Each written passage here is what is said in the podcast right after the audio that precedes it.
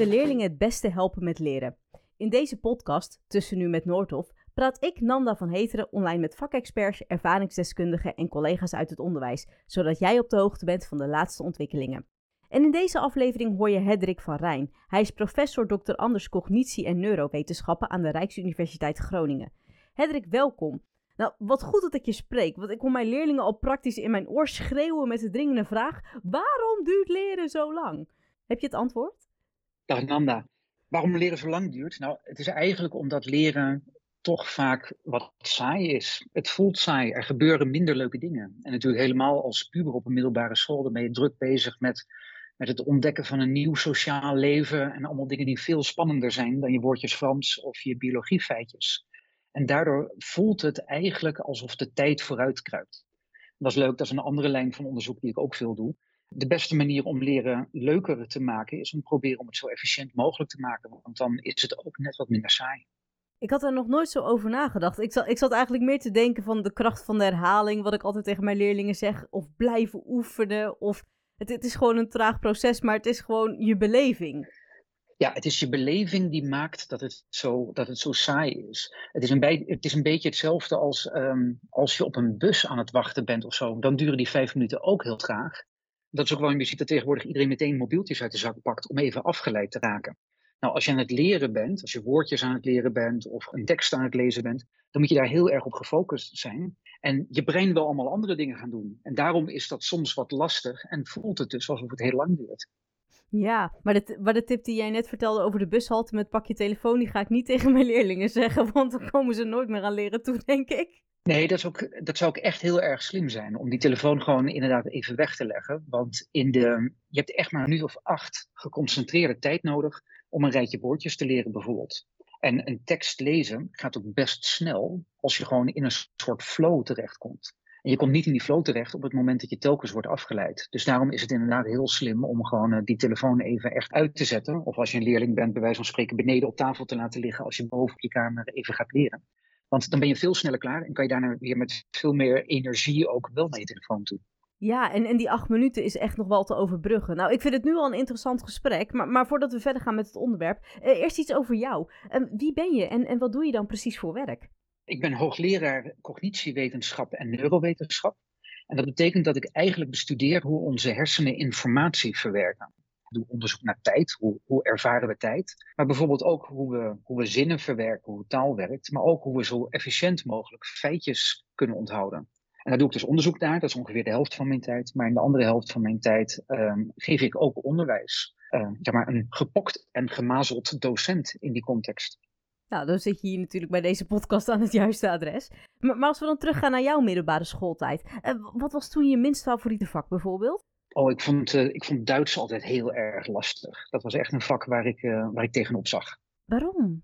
Op een of andere manier lukte het mij nooit om, om voldoende feitjes te leren, zal ik maar zeggen. Om een soort basis te krijgen om de rest ook te begrijpen. En als we dan bijvoorbeeld, hoe heet dat, literatuur of als we tekstverklaring hadden, dat lukte dan gewoon, want ik wist vrij veel over de algemene context. Als er dan de tekst was over Berlijn, dan kon ik eigenlijk altijd nog wel een beetje raden welk antwoord het was. Maar het lukte me nooit echt om nou ja, voldoende woordkennis te hebben, om ook daadwerkelijk te kunnen begrijpen wat het was, hoe het was. En dat vond ik echt lastig, gewoon het, gewoon het stampen. Ja, dat, dat is ook natuurlijk heel lastig. Uh, ondanks dat je daar nu natuurlijk wel onderzoek naar doet en in, in een bepaalde vorm en, en dat ook doseert. Maar, maar met muziek bijvoorbeeld, eh, naar welke artiest luister je toen bijvoorbeeld het meest? Oh, dat was de tijd van de, van de opkomst van de, een beetje de elektronische disco-muziek. Dus uh, ik vond bijvoorbeeld de Pet Shop Boys, daar was ik echt helemaal weg van. Ik vond hen super cool. Ik ben natuurlijk journalist, dus ik mag geen mening hebben in die zin, maar ze zijn natuurlijk ook heel erg cool. Uh, terugkomend op het onderwerp, hè, uh, laten we deze bespreken aan de hand van drie stellingen. En, en stelling 1 is dan schoolwerk leren tegen. Ja, schoolwerk leren tegen. En zeker als je heel specifiek kijkt naar, uh, naar, een, naar één bepaald voorbeeld. Ik denk dat de manier waarop wij nog steeds vaak toetsen afnemen, dat dat uh, heel erg, dat dat inefficiëntie in de hand werkt. Uh, ja, als, als in? Want eigenlijk zijn toetsen een heel erg raar ding. We offeren schooltijd op om eigenlijk alleen maar te controleren of een leerling iets weet. En eigenlijk zou je dat helemaal niet willen. Je zou willen dat schooltijd, dat onderwijs, een moment is waarop wij informatie overdragen. En dat je eigenlijk liever op een andere manier zou willen weten of ze het wel of niet kunnen. En daar geen schooltijd voor hoeven op te offeren. En natuurlijk allemaal docent zijn, weten we ook dat het nakijken van toetsen ook niet ons meest geliefde tijdsbesteding is. Dus ik denk dat school inefficiënt is, zeker als je daarnaar kijkt. Uh, als je dan niet een bepaald toetsmoment hebt of een bepaalde deadline waar je naartoe leeft, ja, hoe, hoe kan je dan bijvoorbeeld toetsen dat leerlingen het weten? Of hoe kan je leerlingen dan op een bepaalde manier klaarmaken voor de maatschappij? Nou, ik denk wel degelijk dat wij leerlingen moeten vragen om op een bepaald moment dingen gedaan te hebben. Precies zoals je zegt, ze moeten klaar zijn voor de maatschappij, waarin, waarin, ook, waarin ze ook moeten weten dat als er een deadline is, dan betekent het dat er iets gewoon echt af moet zijn. Maar tegelijkertijd, als je nou eens terugdenkt aan, uh, of als je terugdenkt, als je, voor, als je je inbeeldt hoe dingen lang, lang geleden gingen, dan ging je in de leer bij iemand. En die persoon bij wie je in de leer was, die keek zo'n beetje naar hoe je je werk deed. En die dacht op een gegeven moment van nou, die persoon die, eh, die kan dat wel. Die is klaar om een volgende stap te zetten in het meestergezelsysteem, zou je kunnen zeggen. Dus daarbij was de beoordeling niet zozeer een toetsmoment, maar meer gewoon een evaluatie van het gedrag dat je toch moest doen in zo'n context. Toetsen zijn eigenlijk alleen maar ingevoerd op een gegeven moment omdat we veel massaler moesten gaan testen. We moesten op een gegeven moment zeg maar groots gaan testen, hele klassen tegelijk, honderden uh, of tientallen of honderden mensen tegelijkertijd. En dan is het nodig om een soort toets te doen. Maar eigenlijk zou je terug moeten willen en zouden we niet uit het oog moeten verliezen dat het veel beter is om gewoon te kijken naar wat iemand doet terwijl die persoon aan het leren is. Dit, is wel echt een, een eye-opener voor mij. Maar tegelijkertijd denk ik dan ook, ja, supergoed dat je het leert in de praktijk. En dat je dan echt vooral zit op het proces en wanneer iemand klaar is om de, ambacht of het ambacht uit te voeren. Uh, maar dan leer je natuurlijk ook wel gaandeweg hoe om te gaan met bijvoorbeeld die deadlines waar we het eerder over hadden. Of uh, met intermenselijk contact en, en, en dat soort dingen. En, en dat probeer je nu toch wel op een andere manier te toetsen door die schriftelijke toetsen. Of vind je juist dat de manier van schriftelijke toetsen het leren tegenwerkt? Nou, wat, wat we weten uit de literatuur is dat op het moment dat mensen een toetsmoment hebben, dan leren ze ook specifiek voor dat toetsmoment. Als ik bijvoorbeeld naar mijn studenten kijk, en wij bieden hen wel online leertools aan, waarmee we dus ook kunnen zien wanneer ze precies aan het leren zijn. Echt iedereen leert vooral gewoon in de laatste dagen voor een toets. En als docenten zeggen wij ook allemaal van doe dat nou niet, spreid het nou uit. Maar wat blijkt als je naar de literatuur kijkt, op het moment dat je zeg maar in totaal drie of vier uur hebt om te leren voor een toets, dan kan je die drie of vier uur het best net voor die toets leren als je een zo hoog mogelijk cijfer op een toets wil. Dus als je ik haal nog een keer wat ik net zei. Als je een zo hoog mogelijk cijfer op een toets wil, dan moet je helemaal niet maandag al beginnen met leren. Nee, dan moet je gewoon de vier uur reserveren vlak voor de toets. Dan haal je het hoogst mogelijk cijfer op de toets. Maar het probleem daarvan is dat twee uur na die toets ben je ook heel veel vergeten. Dus wat wij zeggen tegen onze studenten van begin al een paar dagen van tevoren, dat werkt wel heel erg goed voor lange termijn retentie, maar dat werkt slechter voor een hoog cijfer op een toets. En dat is het probleem dat ik heb met toetsen. Wij, wij vragen onze studenten, onze leerlingen om toetsen te maken. En tegelijkertijd zouden we moeten weten dat doordat we dat vragen, we hen in feite aanmoedigen om suboptimale leerstrategieën te gebruiken. Nu hebben we het al kort besproken. Hè? Er zijn natuurlijk verschillende manieren om te leren, vlak voor de toets wat je net zei, of juist heel lang van tevoren. Maar welke drie leerstrategieën zijn het meest voorkomend bij leerlingen op de middelbare school? Oh, dat is een hele goede vraag. Um, op een bepaalde manier zou je kunnen zeggen dat er net zoveel leerstrategieën zijn als leerlingen. Leerlingen vinden zelf eigenlijk vaak een manier uit die voor hen goed werkt. En uh, wie ben ik om te zeggen dat die manier dan niet de juiste zou zijn? Maar wat je wel heel veel ziet, is dat leerlingen vaak methodes kiezen waarvan ze denken dat die goed werkt.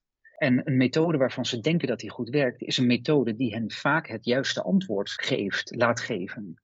Dus stel je bent aan het oefenen en je bent aan het oefenen met multiple choice waarbij je het juiste antwoord ziet dat is makkelijker dan dat je gaat oefenen met een open vraag. Je ziet de Eglise staan en je hebt dan multiple choice waar kerk tussen staat. Dan hoef je het alleen maar te herkennen. Terwijl als je Eglise ziet staan en je moet vanuit, vanuit het niets bedenken dat het kerk is, dan is dat veel moeilijker. Nou, leerlingen kiezen vaak voor die makkelijkere methode, omdat zij het idee hebben dat ze vaker het antwoord weten. En daarmee krijgen ze een soort foutief idee dat ze het wel goed weten. Dus als een leerling ooit komt en zegt van ja, maar waarom heb ik nou zo'n slecht cijfer? Want ik had het thuis zo goed geleerd. Dan is een hele belangrijke vraag aan die leerling van hoe heb je het dan geleerd? Als dat multiple choice is, of misschien zelfs alleen maar met het overlezen van de vragen, dan weet je gewoon dat die leerling eigenlijk een beetje om de tuin geleid is, doordat er heel veel goede antwoorden waren. Nou, een ander punt dat ik hier zeker bij zou willen noemen, is het grote probleem van, uh, nou ja, van wat ik net al zei. Dat is echt wel zo'n groot probleem om dat apart te noemen. Leerlingen leren gewoon vlak voor een toets. En dat is helemaal geen probleem als het alleen maar gaat om een cijfer op die toets te halen. Maar dat is wel echt een probleem als die toets ervoor bedoeld is als een soort grondsteen, of een soort bouwsteen voor latere kennis. En bij vocabulaire, om heel eerlijk te zijn, kan je dat een beetje afvragen. Is het zo erg als je niet precies meer weet wat ik lees was, maar misschien nog wel een beetje een soort, een soort flauwe idee erover hebt? Dat is misschien helemaal niet zo heel erg. Maar als het gaat om basisbegrippen die terugkomen in de volgende hoofdstukken, dan zou het dus heel erg goed zijn als docent om er ook echt voor te zorgen dat een leerling meerdere malen moet leren.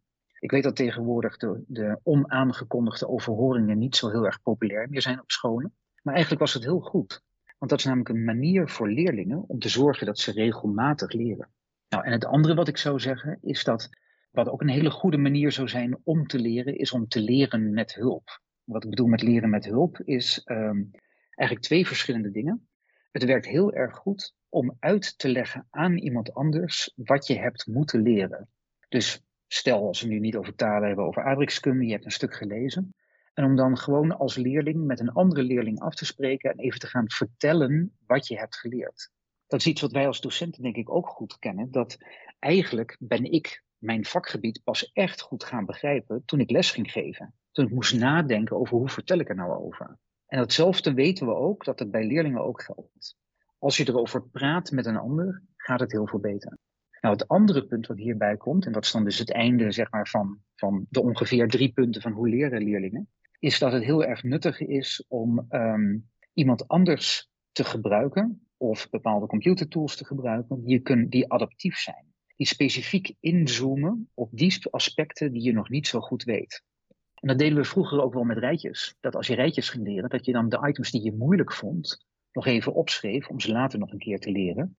En je zou zelfs kunnen zeggen, in, in, in het extreme geval, is het maken van een spiekbriefje ook zoiets. Want je bent aan het leren, donderdagavond, en je bent aan het leren, en je weet een paar dingen, daarvan weet je dat je ze niet zo goed meer weet. Dan ga je een spiekbriefje maken en dan schrijf je alleen die dingen op die je eigenlijk niet zo goed wist. En daarmee ben je ze nog aan het herhalen. Het maken van een spiekbriefje is eigenlijk een super adaptieve vorm van leren. En zeker als je hem dan ook net voor het, net voor het proefwerk nog even bekijkt, en dan diep in je zak stopt, want je bent bang dat de docent hem ziet, is het een hele nuttige manier om die kennis gewoon nog een paar keer te herhalen. En daarmee het leren veel adaptiever te maken op je eigen kennis en kunde. En zit dat dan ook in het vorm van speakbriefje dat je dat zo klein en compact mogelijk wil doen? Dus je bent ook al uh, verplicht om bijvoorbeeld heel streng samen te vatten en, en heel subjectief te kijken en in te zoomen op wat je moeilijk vindt? Ja, precies het, uh, het, maken van een speakbriefje, omdat je dat klein wil doen en uh, dat je moet bedenken van welke woorden kan ik afkorten, maakt dat je heel erg intensief met die stof bezig bent. Wat men ook wel vaak zegt, is dat het schrijven ook uitmaakt, dus dat je motorische beweging doet. Maar daarvoor is eigenlijk maar heel erg weinig echt harde evidentie. Of je dingen nou schrijft of typt of alleen hardop zegt, daarvan weten we niet echt goed of het heel veel uitmaakt. Natuurlijk hardop zeggen helpt je niet om de accents in het Frans te leren. Maar um, het schrijven op zich lijkt niet zozeer het nuttige te zijn, maar wel dat je er heel erg veel mee bezig bent. Het gaat om het intensieve wat, uh, uh, wat je zegt eigenlijk dus.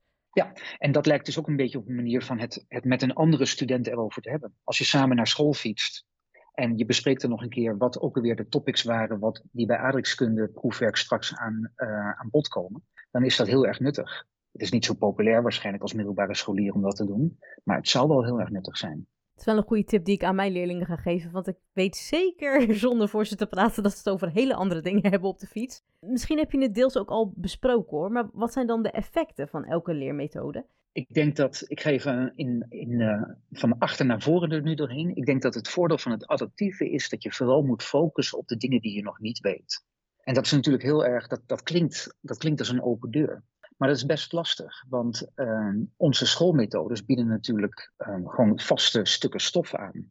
En zeker bijvoorbeeld bij, uh, bij Engels in het middelbaar onderwijs, in, de, in groep of in, in het eerste leerjaar, zijn er enorme verschillen tussen leerlingen. Sommigen spreken al vrijwel op een, op een bijna native niveau Engels, terwijl anderen hebben echt maar een paar woordjes meegepikt. En het grote probleem is dat als je het niet adaptief genoeg maakt, zouden de leerlingen die goed zijn het veel te makkelijk kunnen vinden en daarmee te saai en daarmee kunnen afhaken. En zijn leerlingen die het veel te moeilijk vinden, die vinden het, nou ja, het is veel te moeilijk en haken daarom af.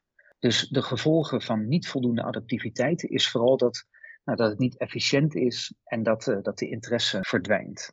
Het gevolg van, uh, van het aan elkaar uitleggen, want dat is zeg maar, dat andere grote punt, is eigenlijk dat je op nieuwe manieren connecties gaat leggen. En het klinkt meteen zeg maar, een beetje neuroscience, en daar wil ik eigenlijk graag ver vandaan blijven, maar op het moment dat je iets opnieuw gaat uitleggen, ga je andere manieren vinden om het te bespreken. Je gaat er een beetje op een andere manier over nadenken. En dus in plaats van dat ene woordje wat je hebt gelezen in het boek, wordt het veel meer iets wat, um, nou ja, wat actief is opgenomen in je kennis. En daardoor krijg je, zo noemen wij psychologen dat, verschillende retrieval paths naar de kennis. Je hebt het niet alleen maar geleerd in die context van het leren in het boek, maar ook terwijl je op de fiets zat en naar school fietste en het met je uh, vriendjes en, uh, daarover had.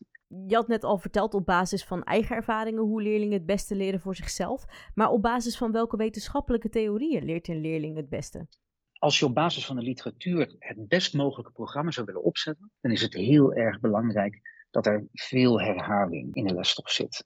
De beste manier om te zorgen dat informatie lang beklijft, is om te zorgen dat informatie regelmatig herhaald wordt. En dat heb je op allerlei verschillende tijdschalen.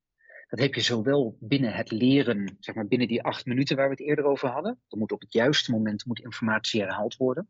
Als jij het heel makkelijk vindt om te herinneren dat de hoofdstad van Frankrijk Parijs is, hoef je dat niet vaak te herhalen. Maar als Finland en Helsinki lastiger zijn, moet je dat vaker herhalen. Dus daar zit herhaling in. Het zit het ook op het niveau van leren in een bepaald hoofdstuk. Stel een hoofdstuk duurt in totaal um, vier weken, zeven weken. Dan zou het heel nuttig zijn als het leren van het vocabulaire dat bij dat hoofdstuk hoort, of de, of de glossary items die bij dat hoofdstuk horen, als dat niet alleen maar in de laatste week gebeurt, maar dat het al op een aantal verschillende momenten gedurende die periode een keer een beetje geleerd moet worden. Dat heeft enorm veel voordelen op lange termijn retentie. En het geldt ook weer op nog grotere schaal. Het zal heel erg nuttig zijn als vocabulaire of belangrijke begrippen, als die regelmatig worden herhaald over de verschillende leerjaren heen. Er is bepaalde kennis die het nuttig is als je het ooit hebt gezien, maar die je niet echt per se altijd paraat hoeft te houden. Maar er is ook kennis die, wat mijn docenten vroeger altijd zeiden, als ik je midden in de nacht wakker maak, moet je dit meteen weten. Nou, die kennis, die zou eigenlijk gewoon iedere aantal maanden even terug moeten komen in het programma van een bepaald vak. Zo ontzettend fijn dat je, dat je dit zegt. Want ik heb met mijn leerlingen best wel vaak strijd over. Als we een hoofdstuk bespreken, dan doen we dat meestal in een les of vier, vijf.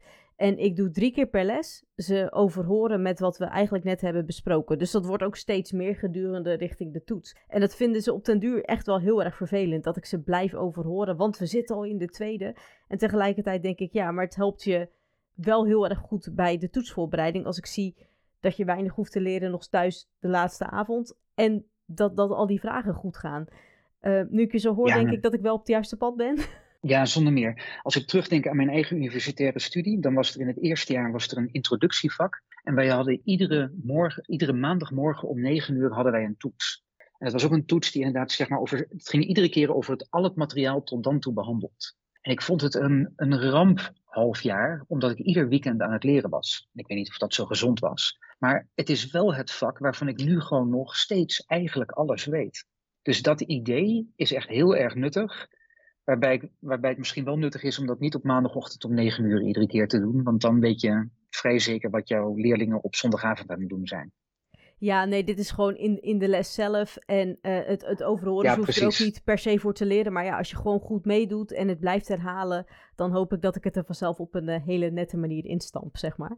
Ja, nee, dat, zeg maar, dit past perfect bij het idee dat herhaling goed is. En ook inderdaad dat gewoon het opbouwen van de kennis binnen zo'n vak past hier heel erg mooi in. Dus uh, nee hoor, een, zeker een grote pluim van mij. Ach, nou bedankt. Daar moet ik dan regelmatig denk ik aan terugdenken wanneer ik weer kilo's weerstand in de klas uh, ervaar. En dan denk ik, nee, maar dit is wel goed. Het was goed om te weten. Nou, en ik denk dat dat het belangrijk is. Leren is gewoon niet altijd leuk. En ik denk dat we ook moeten, ervoor moeten zorgen dat wij als docenten ook een beetje de plicht hebben, en dat doen we waarschijnlijk allemaal ook wel, om ook gewoon dat uit te leggen. Ja, natuurlijk ga je liever uh, naar het schoolplein toe om daar uh, de nieuw ontluikende verliefdheden te exploreren dan hier woordjes Frans te leren. Maar het is noodzakelijk. Leren is noodzakelijk. En je zou dus ook kunnen zeggen dat school wel heel erg nuttig is als een soort gedwongen moment waarop leerlingen zoveel mogelijk moeten nadenken over de stof waarvan wij weten dat het nuttig is als ze die aan het eind van hun schoolopleiding beheersen.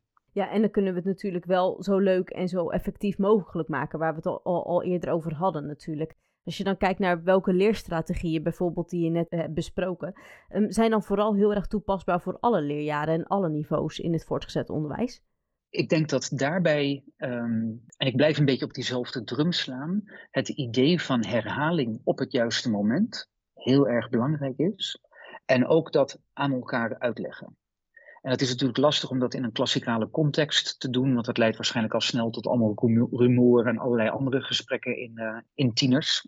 Maar dat zijn wel principes die heel erg goed werken. Um, en dat kan je ook generaliseren naar het idee van het schrijven van een spiekbriefje. Dat is ook informatie op een andere manier uitleggen. Maar ook bijvoorbeeld het schrijven van een samenvatting.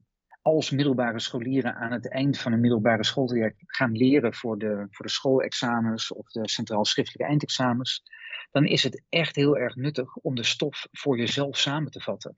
Vooral omdat je daarmee opnieuw nadenkt over wat je eigenlijk aan het lezen bent. Je bent aan het nadenken hoe je het moet overschrijven. En daarom is het dus totaal niet nuttig om dat op basis van copy en paste uit PDF's te doen. Als je dat doet, zien we dat mensen eigenlijk slechter leren. En dat komt omdat het nadeel van het maken van een samenvatting is dat onze leerlingen zijn nou eenmaal geen domeinexperts. Dus die zullen altijd wel wat fouten maken in het maken van een samenvatting.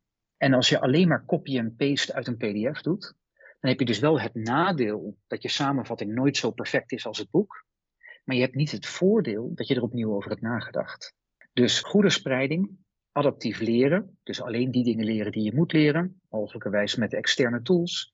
En het zorgen voor op andere manieren gaan nadenken over die kennis door erover te praten met ouders, met vriendjes, het maken van een samenvatting of een spiekbriefje dat je wel goed moet wegstoppen op het tentamen zelf.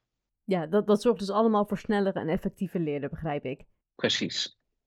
Uh, door dan naar stelling 2. We moeten de kennistoets afschaffen. Ja, ben ik het helemaal mee eens. De kennistoets is een archaïsch overblijfsel uit de tijd dat we massaal wilden toetsen en nog geen betere manieren hadden om in te schatten uh, hoe leerlingen daadwerkelijk presteren. Ik zou hem zelfs nog wat sterker willen maken dus. Ik denk namelijk dat ehm, docenten over het algemeen best wel heel erg goed weten wat de vaardigheden van een leerling zijn. Ik denk ook dat ouders die bijvoorbeeld helpen met het leren van, uh, van vocabulaire, om het daar weer over te hebben, of die helpen bij de wiskundeopgave van een leerling of de biologieopgave, die weten eigenlijk vaak wel hoe goed hun kind het leert. En ze weten nog niet of het cijfer op die toets een 7 of een 8 of een 9 gaat worden, of dat het erom hangt of het een 5 of een 6 wordt. Maar ze hebben wel gewoon een vrij goed idee. En dat komt omdat docenten die observeren het leerproces en die ouders die observeren zeg maar het standproces, het echt het leren voor een toets. En doordat ze dat observeren, krijgen ze eigenlijk, denk ik, nou nee, ik heb ook wel evidentie voor, krijgen ze een veel beter beeld van de eigenlijke kennis dan een toets. En daar kan ik een heel makkelijk voorbeeld van geven. Stel, we hebben het dus allemaal over middelbare scholieren. Ik heb het in mijn, uh, in mijn onderwijs over, uh, over jongvolwassenen. En net vlak voor een toets of een tentamen maakt het vriendje of het vriendinnetje het uit. Natuurlijk maak je zo'n toets daarna slechter dan als je dat bericht niet had gekregen. Terwijl dat wel je toetscijfer is. Dus dit, dit extreme voorbeeld, ik geef toe dat het extreem is, geeft dus aan dat het cijfer op zo'n toets door een heleboel andere dingen beïnvloed wordt. Terwijl als je als docent zo'n leerling wekenlang volgt, dan weet je wel, nou, dit is een 8 of een beetje daaromheen. Of nou, bij deze persoon hangt het er een beetje om. En ik vind het de zonde dat wij uit een soort idee van we moeten die kennis toetsen, want anders weten we het niet, een toets hebben ingevoerd. We zouden moeten naar het bestuderen van het leerproces. En op basis daarvan bepalen of iemand wel of niet voldoende kennis heeft. En dan wil ik niet zeggen dat we helemaal geen toetsen meer moeten doen. Maar toetsen zouden moeten gaan over inzicht en niet over het reproduceren van feitjes. En, en hoe zie je dat dan voor je in een schoolse situatie? Bijvoorbeeld letterlijk in de klas met 30 leerlingen voor je? Nou, ik weet niet goed of dat in een klas met 30 leerlingen inderdaad uh, makkelijk haalbaar is. Maar een van de dingen waar ik ook bij betrokken ben, is, is Slim Stampen. Een, um, een tool die ook in het Noordhof leersysteem, digitale leersysteem is ingebouwd. En waar wij nu mee bezig zijn, is dat we aan het kijken zijn of we op basis van het leerproces tijdens het leren van feitjes niet kunnen afleiden wat het cijfer zou zijn op een toets. En dat is dus precies dat idee wat ik eerder zei. Een ouder die een leerling helpt, die weet wel of er wel of niet goed in zit. En dan hoef je helemaal geen um, simpele kennistoets meer te doen. En natuurlijk toetsen wij niet alleen maar kennis. Maar natuurlijk, en dit zeg maar even van als docent naar docent sprekend, weten wij ook wel dat een aantal van onze vragen altijd gewoon een soort kennisvragen zijn. Was het alleen maar omdat we niet zoveel inzichtvragen kunnen stellen, omdat dat lastiger nakijken is bijvoorbeeld. Maar al die feitenvragen, die zou ik eigenlijk heel erg graag uit de toetsen willen halen. Want dat kan met slim stampen bijvoorbeeld, maar dat kan het, in principe zou dat ook met andere tools kunnen. We kunnen het leren bestuderen en op basis daarvan zeggen, weet je, jij hebt alle feitelijke kennis meer dan voldoende beheerst. En ik denk dat dat ook een groot voordeel heeft, want op het moment dat je de feitjes niet meer hoeft te reproduceren op het tentamen, gaat het om het inzicht. En dat betekent dat een enorm onderdeel van de stress voor een toets wegvalt. Want een leerling weet zelf ook wel of hij of zij er een beetje over na kan denken en dan met een beetje een reëel antwoord kan komen. Maar of je precies op dat moment nog weet wat er in welk jaar in welke oorlog gebeurde, of wat de vertaling is van een bepaald Frans voorzetsel, ja, dat is iets wat je natuurlijk wat veel meer stress oplevert. Dus daarom dat, denk ik dat het goed is om, uh, om dit gewoon af te schaffen. Ja, is dat zo? Want als ik dan naar mijn leerlingen kijk, dan zijn ze juist heel erg gebaat bij niet per se het leren voor, voor kennisvragen, maar gewoon het feit dat vraag 1 altijd letterlijk reproductie is. Geeft ze zelfvertrouwen, geeft ze het gevoel dat ze ook echt goed hebben geleerd. Want ja, ik geef dan les in MAVO 2 en misschien ligt het dan aan dat ze nog zo jong zijn. Maar die hebben nog helemaal niet de zelfreflectie om, om het inzicht te hebben van dit weet ik wel. Zij zeggen gewoon letterlijk, het is godzegende de greep bij sommige vragen. Of de antwoorden die ik geef. En dan hoop ik maar dat het goed is. Ik denk dat dat een heel belangrijk punt is. En dat dat ook een punt is waar, ehm, waar we zeker nog wat, wat uitgebreider naar kunnen kijken. Want feitvragen kunnen juist ook een soort houvast geven. Dat is waar je, waar je feite naar refereert. Je kan een vak waar je niet zo goed in bent, kan je misschien toch net over de drempel halen door iedere avond gewoon maar de feitjes die bij dat vak horen te stampen. Tegelijkertijd, stel, stel aardrijkskunde. Stel je weet helemaal niks over, over geologie, je weet helemaal niks over de andere dingen, maar je weet wel alle topografie helemaal uit je hoofd. Willen we dan echt dat zo iemand een voldoende haalt voor aardrijkskunde? Nee, eigenlijk niet. Maar ik zie jouw punt wel heel erg. We moeten wel zorgen dat een, dat een een, een proefwerk, een overhoring, ook doenbaar blijft. Dus als het daarvoor nuttig is om te beginnen met een makkelijke feitvraag, of met een vraag waarvan iedereen het idee heeft dat ze wel wat kunnen opschrijven, van, nou, beschrijf eens in je eigen woorden wat, we, wat het onderwerp is wat we de afgelopen week hebben bestudeerd. Nou, dat is een vraag die niet meteen heel veel stress hopelijk oproept. Dus misschien moeten we wel op een andere manier erover gaan nadenken, maar daar sta ik volledig voor open. Ik denk alleen dat de nadruk die wij nog steeds hebben op het vragen van feiten in toetsen, eigenlijk een soort uh, archaïsch uh, overblijfsel is uit de tijd dat we massale toetsen gingen invoeren. Door dan met de laatste stelling. Uh, leren is lastig. Ja, leren is lastig. En we zullen het ook nooit leuker en makkelijker maken. En het moet ook lastig zijn. En waarom het lastig moet zijn, valt eigenlijk heel, lastig, heel makkelijk uit te leggen. Op het moment dat leren bizar makkelijk is, dan leer je niks meer. Een heel simpel voorbeeld weer, en dat is een voorbeeld dat ik altijd gebruik in dit soort contexten, is dat als ik iemand een nieuw feitje geef, namelijk mijn zusje heet Sophie, dan is dat op dat moment iets wat in je hersenen wordt opgeslagen. Als ik het nu weer zeg, mijn zusje heet Sophie, en dan weer zeg, mijn zusje heet Sophie, en nog een keer zeg, dan wordt op een gegeven moment de meeropbrengst van het luisteren naar wat ik zeg in de representatie in je hersenen steeds kleiner die vierde keer dat ik het zei, had eigenlijk helemaal geen groot gevolg meer in jouw hersenen. Want ja, het zit er wel in. Pas op het moment dat informatie lastig wordt te verwerken, en dat geldt natuurlijk vooral als ik jullie nu zo vragen van hoe heet mijn zusje, kijk dat is nu nog heel makkelijk, maar als ik dat over twee weken nog een keer vraag, je moet het ophalen, dan is dat ophalen is moeilijk. En dat moeilijk zijn zorgt ervoor dat het ook beter beklijft. En dit is dus een andere reden waarom het heel nuttig is om ehm, leren niet allemaal op hetzelfde moment te doen. Want als je het allemaal samen perst in dezelfde twee, drie uur vlak voor een toets, dan wordt het op een gegeven moment heel makkelijk om het op te halen. En dan is het ook nog wel makkelijk op te halen tijdens die toets. Maar je hebt dus maar heel weinig lange termijn voordeel, want je hebt het jezelf eigenlijk altijd te makkelijk gemaakt.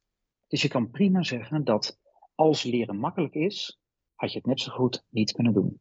Is het dan ook zo dat uh, op het moment dat je gaat leren, dat je dan ook de herhaling even moet scheiden van de nieuwe stof of de voor jou eenvoudige stof moet scheiden van de lastige stof? Nou nee, ik denk dat het heel nuttig is om juist wel te mengen. En de reden waarom het nuttig is om te mengen is dat als het alleen maar continu volledig lastig is, dan wordt het op een gegeven moment ook te zwaar. En dat is wat ik eerder ook zei. Het is heel belangrijk om, om leren adaptief te laten zijn. En dat doen we in Nederland eigenlijk ook vrij goed met alle verschillende schoolsystemen, van VMBO in de verschillende niveaus naar HAVO en VWO. Dat is al een vorm van adaptiviteit.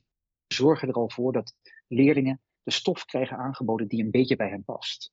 Maar dat kunnen we natuurlijk nog verder verfijnen, want niet iedere MAVO-leerling is gelijk aan iedere andere MAVO-leerling. Daarom is het nuttig om makkelijke en moeilijke dingen voor individuele leerlingen door elkaar te mengen. En vooral ook omdat als dingen te lang te moeilijk zijn, weten wij uit onderzoek dat mensen er dan mee stoppen. Wat is de belangrijkste verklarende factor voor besluiten van nou, nu heb ik wel genoeg geleerd, nu ben ik wel klaar? Is niet dat mensen alles goed doen, maar als mensen twee of drie fouten achter elkaar maken, dan zeggen ze ach joh, ik heb er geen zin meer in, het zit er wel goed genoeg in. Dus te moeilijk is fout, maar als het te makkelijk is, heeft het geen zin.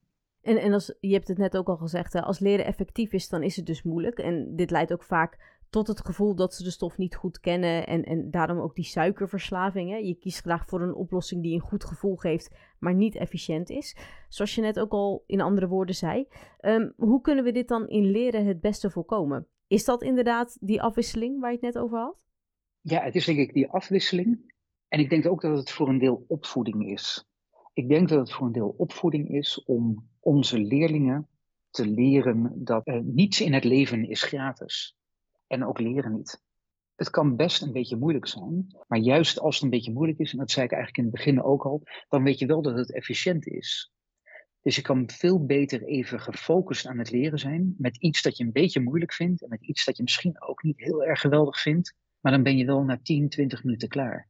En ik denk dat dat een ander punt is wat heel erg nuttig is om aan leerlingen mee te geven, is om eens te proberen om gewoon heel precies te meten hoe lang ze nou echt aan het leren zijn. Want als wij namelijk kijken in onze online tools hoe lang studenten aan het leren zijn, dan is dat iedere keer eigenlijk maar weer min of meer die acht minuten die ik eerder noemde. Soms wat langer, maar soms ook korter. Maar als je niet gefocust naar het leren bent, dan spreid je die acht minuten uit over misschien wel een periode van anderhalf uur. En dan achteraf denk je, de volgende ochtend in de les, als ze dan tegen, tegen jou aan het praten zijn, dan zeggen ze, ja, ik heb gisteravond echt de hele avond geleerd. Maar die hele avond bestaat dan uit telefoon checken, even uit het raam staren. Proberen om je leerlingen mee te geven dat af en toe even echt gefocust leren de beste manier is, is een hele goede manier om te zorgen dat hun perceptie op het leren een stuk positiever wordt. Deze podcast die begon met de vraag hoe we leerlingen het beste kunnen helpen met leren. Misschien zit het antwoord al in de acht minuten hoor, maar deze vraag is nog niet helemaal beantwoord. Um, mijn, mijn vraag dus, hoe doe je dit?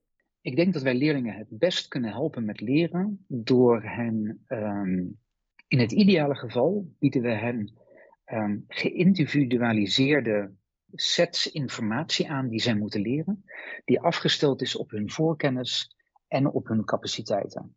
Ik denk dat het heel erg nuttig zou zijn als wij een zwakke leerling in, uh, in biologie bijvoorbeeld kunnen aangeven van dit zijn de begrippen, die moet je echt kennen. Zonder die begrippen kan je niet verder. En die andere begrippen, nou ja, die zou je moeten halen om een 10 te halen op de toets. Maar in jouw geval zijn we met z'n allen heel erg blij als je gewoon de basiskennis hebt. En ik denk, en dit zou echt een trendbreuk zijn, dat het heel erg nuttig zou zijn als we meer op die manier zouden gaan nadenken. Het is prima als een bepaalde leerling gewoon blij en goed een vak doorgaat met iedere keer een goed gevoel hebben over het halen van een 6,5.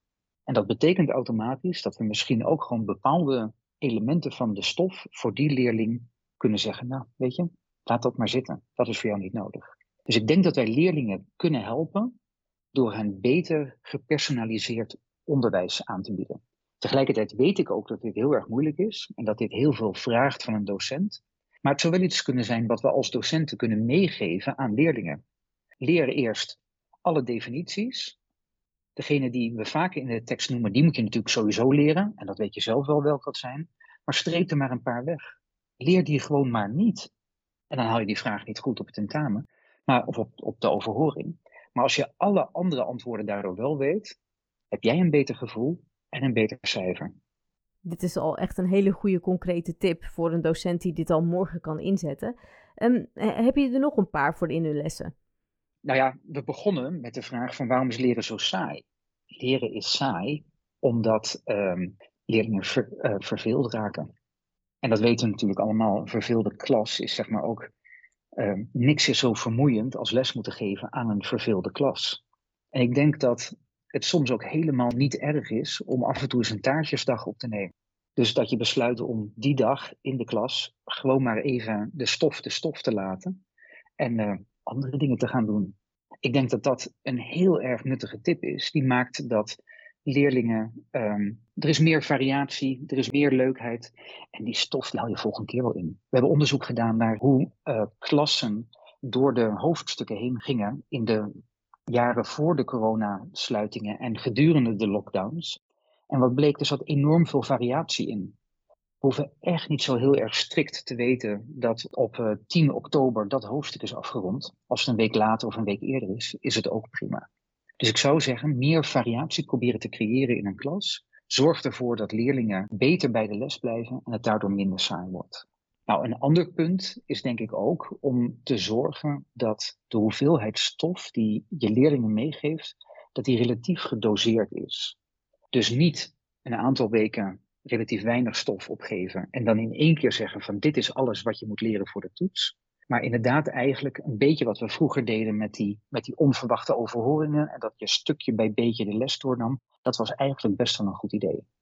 Dus ik zou ook aanraden om zoiets weer opnieuw in te gaan voeren. Aan te geven dat leerlingen echt bepaalde onderdelen um, al geleerd moeten hebben. En dat dan maar niet, misschien niet testen met onverwachte toetsen, maar op een andere manier aangeven aan de leerlingen in de klas dat je er gewoon van uitgaat dat ze die materialen al gelezen hebben.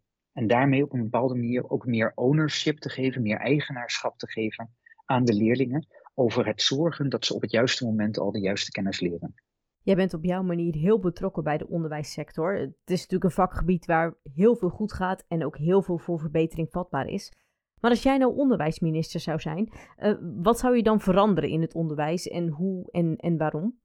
Oh, wat een leuke vraag. Um, wat zou ik in, veranderen in het onderwijs en hoe en waarom? Misschien wel die kennistoetsen waar je het eerder over had? Ja, ik denk dat dat inderdaad een heel belangrijk element is. Ik zou heel erg graag willen dat um, dat we de best mogelijke manieren vinden om te zorgen dat we weten dat onze leerlingen de kennis hebben die ze moeten hebben, zonder de zenuwen van de kennistest. En daarbij zie ik ook wat jij net zei, is helemaal terecht. Soms is zo'n kennistest ook fijn, want daar kan je tenminste gewoon voor leren.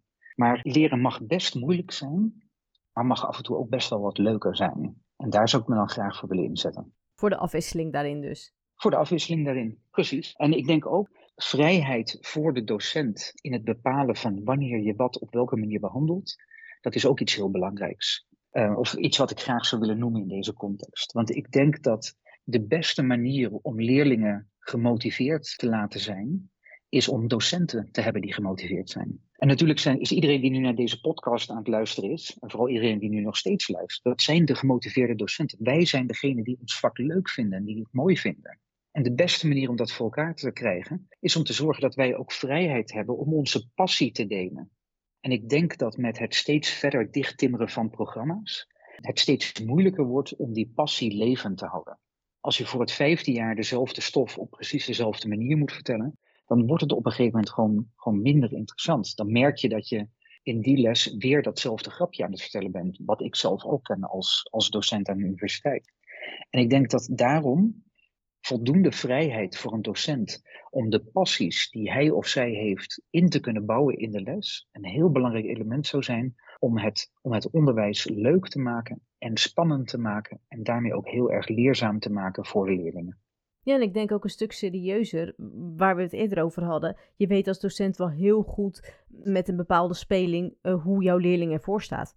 Dus op het moment dat je weet hoe goed jouw leerling ervoor staat, kan je die persoon ook veel beter helpen en van dienst zijn om de rest van de stof ook beter te leren begrijpen, denk ik. Ja, tuurlijk. Tuurlijk, wij docenten zijn allemaal experts in het inschatten van de kennis van onze leerlingen. En in het, in het algemene debat wordt nog wel eens aangehaald dat, uh, dat het allemaal beter getest moet worden en beter. En ik ben, een groot, ik ben een groot voorstander van testen, begrijp me daarin vooral niet verkeerd, maar ik wil het op een andere manier doen. Maar vooral ook, wij als docenten houden van ons vak. Wij willen heel graag onze passie doorgeven. En de vrijheid, dat idee vind ik eigenlijk dat dat een beetje te veel is weggezakt. Dus als ik minister van Onderwijs zou worden, zou ik dat vooral willen. Dat er meer ruimte is voor docenten om hun passie daadwerkelijk te laten zien aan de leerlingen. Het zou geweldig zijn als een, um, een natuurkundedocent meer ruimte krijgt om ook buiten de school bepaalde uh, natuurkundige fenomenen te laten zien. Het zou geweldig zijn als een Frans docent gewoon meer ruimte krijgt om op een gegeven moment te gaan hebben over Franse films. Het zou dat soort dingen, die vrijheid, de vrijheid om zeg maar op basis van onze eigen passie leerlingen mee te nemen in het avontuur dat het, het leren in een nieuw domein is, dat zou ik heel graag terug willen krijgen. En, en ik zou hopen dat op het moment dat jij een carrière switch overweegt uh, en je komt op de kieslijst, dat je dan even heel goed campagne kan voeren, want dan ga ik zeker op je stemmen. De, dankjewel voor dit interessante en leuke gesprek. Heel graag gedaan. Vind je deze podcast nou leuk? Hem dan, zodat andere mensen hem ook kunnen vinden.